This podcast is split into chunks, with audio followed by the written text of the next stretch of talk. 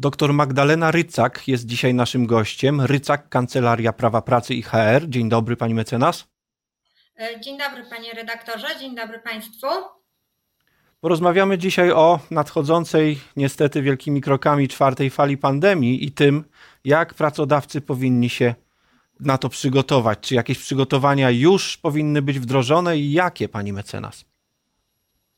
Pracodawcy mają kilka możliwości, chociaż oczywiście nie chronią one całkowicie ich e, przed rozprzestrzenianiem się tej czwartej mm, fali koronawirusa, zwłaszcza jeśli są to na przykład pracodawcy typu produkcja, e, gdzie trudno wykonywać pracę zdalnie z domu, ale e, największe możliwości aktualnie, jeśli chodzi o zabezpieczenie się, mają tacy pracodawcy, którzy mają pracowników zatrudnionych przy pracach e, przede wszystkim administracyjno-biurowych. Tego typu mm, pracodawcy mają już e, pewne narzędzie, które sprawdziło się w wielu miejscach pracy, czyli praca zdalna. Oczywiście ostatnio odczuwaliśmy e, pewną odwilż, e, wielu pracowników wróciło do biur, wielu pracodawców zorganizowało pracę hybrydową na różnych jakby poziomach, tak, na tej zasadzie, że albo część pracowników stale pracowała zdalnie albo się wymieniali, e, tak żeby część mogła właśnie w tych biurach e, jeszcze popracować. Natomiast e, no dalej na pewno ta praca zdalna będzie wykorzystywana, pewnie z jakimiś wariantami właśnie pracy hybrydowej. Mm, tutaj e, czekamy cały czas na mm, pełny, już ostateczny projekt zmian dotyczących właśnie pracy zdalnej, chociaż już mamy te podstawy prawne w czasie pandemii, żeby na polecenie pracodawcy taką e, pracę pracownik mógł wykonywać choćby z domu. E, oczywiście ta regulacja nie jest do końca mm, taka doskonała, jakby z punktu widzenia pracodawców, bo pracownik może odmówić wykonywania tego typu pracy, jeżeli na przykład nie ma odpowiednich możliwości technicznych czy też lokalowych, żeby taką pracę mm, zdalnie z domu wykonywać. Natomiast e, w innych przypadkach, kiedy takie możliwości ma, co do zasady pracownik e, powinien zgodzić się na wykonywanie takiej pracy.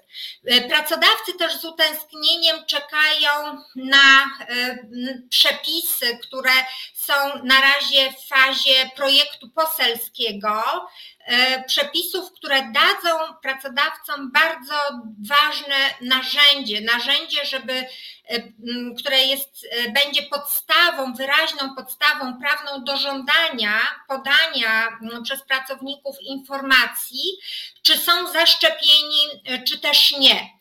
E, to pozwoliłoby właśnie e, też takim pracodawcom właśnie nawet na produkcji e, w odpowiedni sposób zorganizować też pracę, taka informacja, tak żeby to ryzyko rozprzestrzeniania się koronawirusa zminimalizować. Natomiast oczywiście nikt nie jest w stanie temu całkowicie zapobiec, bo to jest pandemia.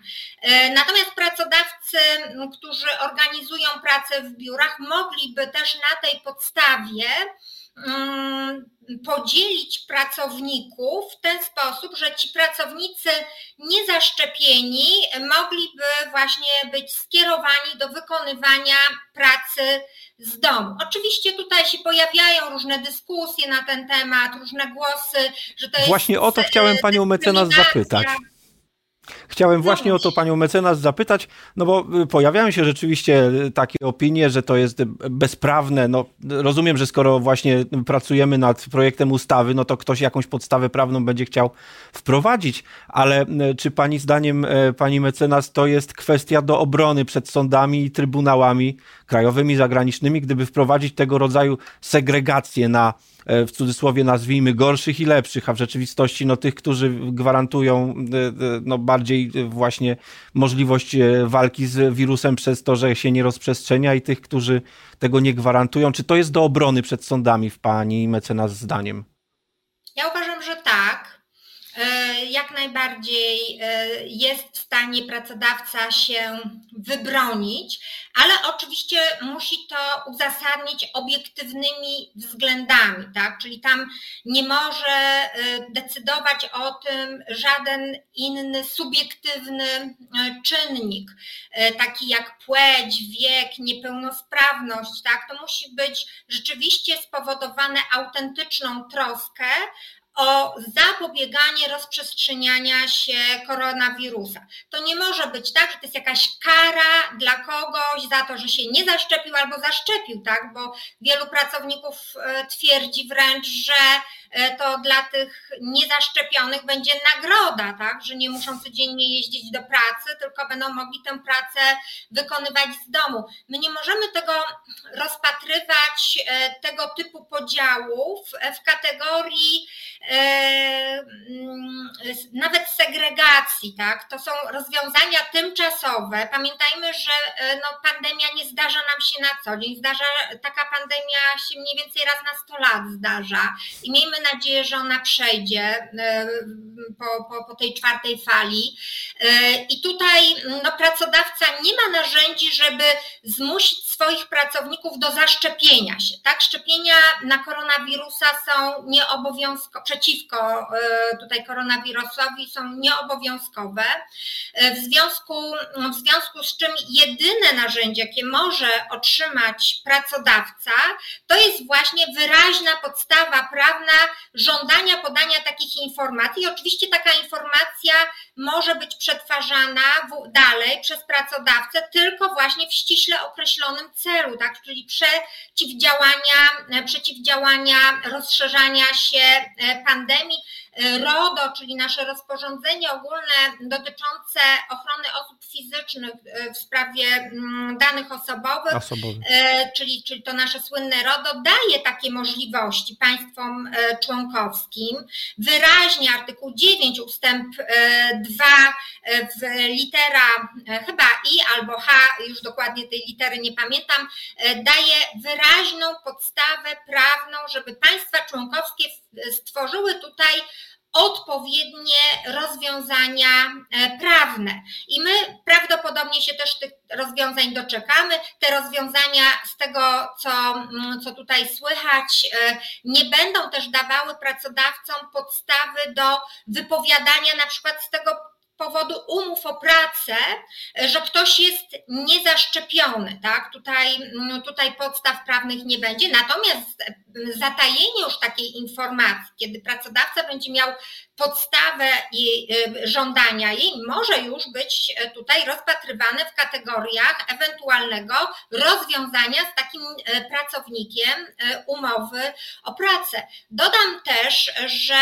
mm, wielu z nas wróciło już z różnych wakacyjnych wyjazdów. Ta odwilż pozwoliła nam też podróżować za granicę w miarę spokojnie. I na pewno zauważyliście Państwo, że w wielu państwach członkowskich e, nie wejdzie się do restauracji bez podania kodu QR albo informacji, że, że jest się e, mm, e, przetestowanym na COVID i, i, i nie jest się zarażonym, albo że się ma przeciwciała wszędzie w hotelach, w restauracjach i nie widzę powodu, dla którego pracodawcy nie mogliby takiego narzędzia y, otrzymać. Y, I na pewno w jakiejś formie takie narzędzie otrzymają, y, więc na pewno to umożliwi też im tutaj podejmowanie takich racjonalnych decyzji, bo pamiętajmy też, że tu chodzi o ochronę życia i zdrowia E, pracowników, ale też klientów, to mogą być przedszkola, gdzie są dzieci, pamięta, dzieci też ostatnio już chorowały, oczywiście może nie w takich tragicznych e, skutkach sposób, ale jednak, czy w szkołach, czy szpitalach, znam przykład mm, szpitala, gdzie e, właśnie na 700 pielęgniarek chyba 100 było niezaszczepionych, tam pracodawca miał takie informacje, prawie prawdopodobnie na podstawie mm, tutaj dobrowolnie wyrażonej zgody z inicjatywy tych pielęgniarek. Natomiast jakby nie wnikając już skąd miał tę informację, to też okazało się, że jeden cały oddział szpitala musiał być na długo zamknięty, ponieważ wśród właśnie mm, pielęgniarek zaczął się rozprzestrzeniać wirus i prawdopodobnie przyniosła go właśnie niezaszczepiona pielęgniarka. Oczywiście tutaj e, bardzo taki mm, grunt, e, dotykam takiego gruntu mm, wywołującego szczere emocje wśród wielu osób. Wiemy, że część osób się co do zasady nie szczepi, ma na ten temat swoje teorie, natomiast e, no, ufając jakby nauce i profesorom medycyny, wydaje się, że, e, że jednak to mm, zaszczepienie pracowników pozwala e, przeciwdziałać albo ograniczać rozprzestrzenianie się nawet nie samego wirusa, ale skutków tego wirusa. Tak? E, nie jestem no to jest bardzo ważne przecież. Nie chcę jakby wchodzić tutaj w te tematy.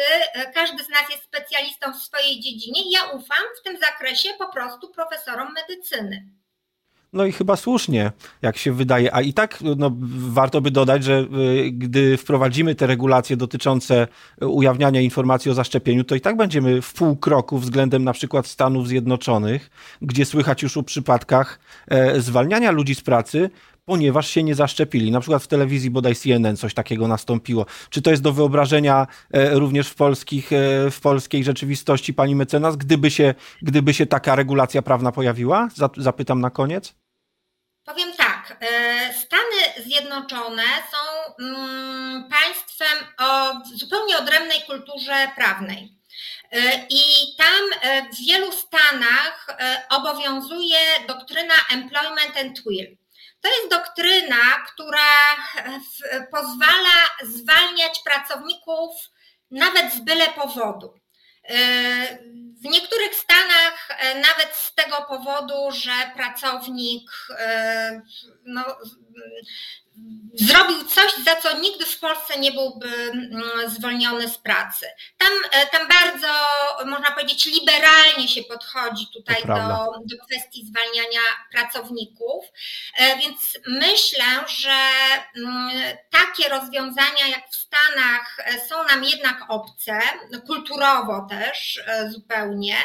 Natomiast jestem w stanie sobie wyobrazić sytuację, gdzie na przykład może się zdarzyć, że niezaszczepienie, niezaszczepienie e, pracownika, e, gdy spełnią się jakieś dodatkowe jeszcze przesłanki oczywiście, mogłoby być dodatkową e, przyczyną wypowiedzenia mu umowy o pracę. Ale to jest bardzo daleko idąca teza, która znowu może oczywiście tutaj wywołać sporo kontrowersji, ale e, wiele rzeczy już widziałam. E, życie pisze takie scenariusze, że my nie jesteśmy w stanie sobie tego na sucho w teorii wyobrazić, więc myślę, że różne rzeczy jeszcze się mogą u nas w praktyce stosowania przepisów zdarzać. Natomiast na pewno najważniejszą kwestią, e, którą teraz muszą, e, z którą muszą sobie teraz między innymi też pracodawcy poradzić, to jest ochrona życia, zdrowia ich pracowników, klientów. E, to jest prawo, które ma pierwszeństwo przed prawem do prywatności. I to ta teza oczywiście niektórym tutaj RODO entuzjastom może się nie spodobać, ale tylko dodam, że RODO też nie jest prawem nadrzędnym. Prawo do prywatności, przepraszam, nie jest prawem nadrzędnym i samo RODO chociażby w motywie czwartym wyraźnie o tym wskazuje, że e, prawo do prywatności nie może naruszać e, praw podstawowych człowieka. Podstawowych, oczywiście, takich jak choćby prawo do życia i zdrowia. I tą konkluzją kończymy naszą rozmowę. Bardzo dziękuję za spotkanie. Doktor Magdalena Rycak była dzisiaj naszym gościem. Rycak, Kancelaria Prawa Pracy i HR. Do zobaczenia. Dziękuję bardzo. Do widzenia.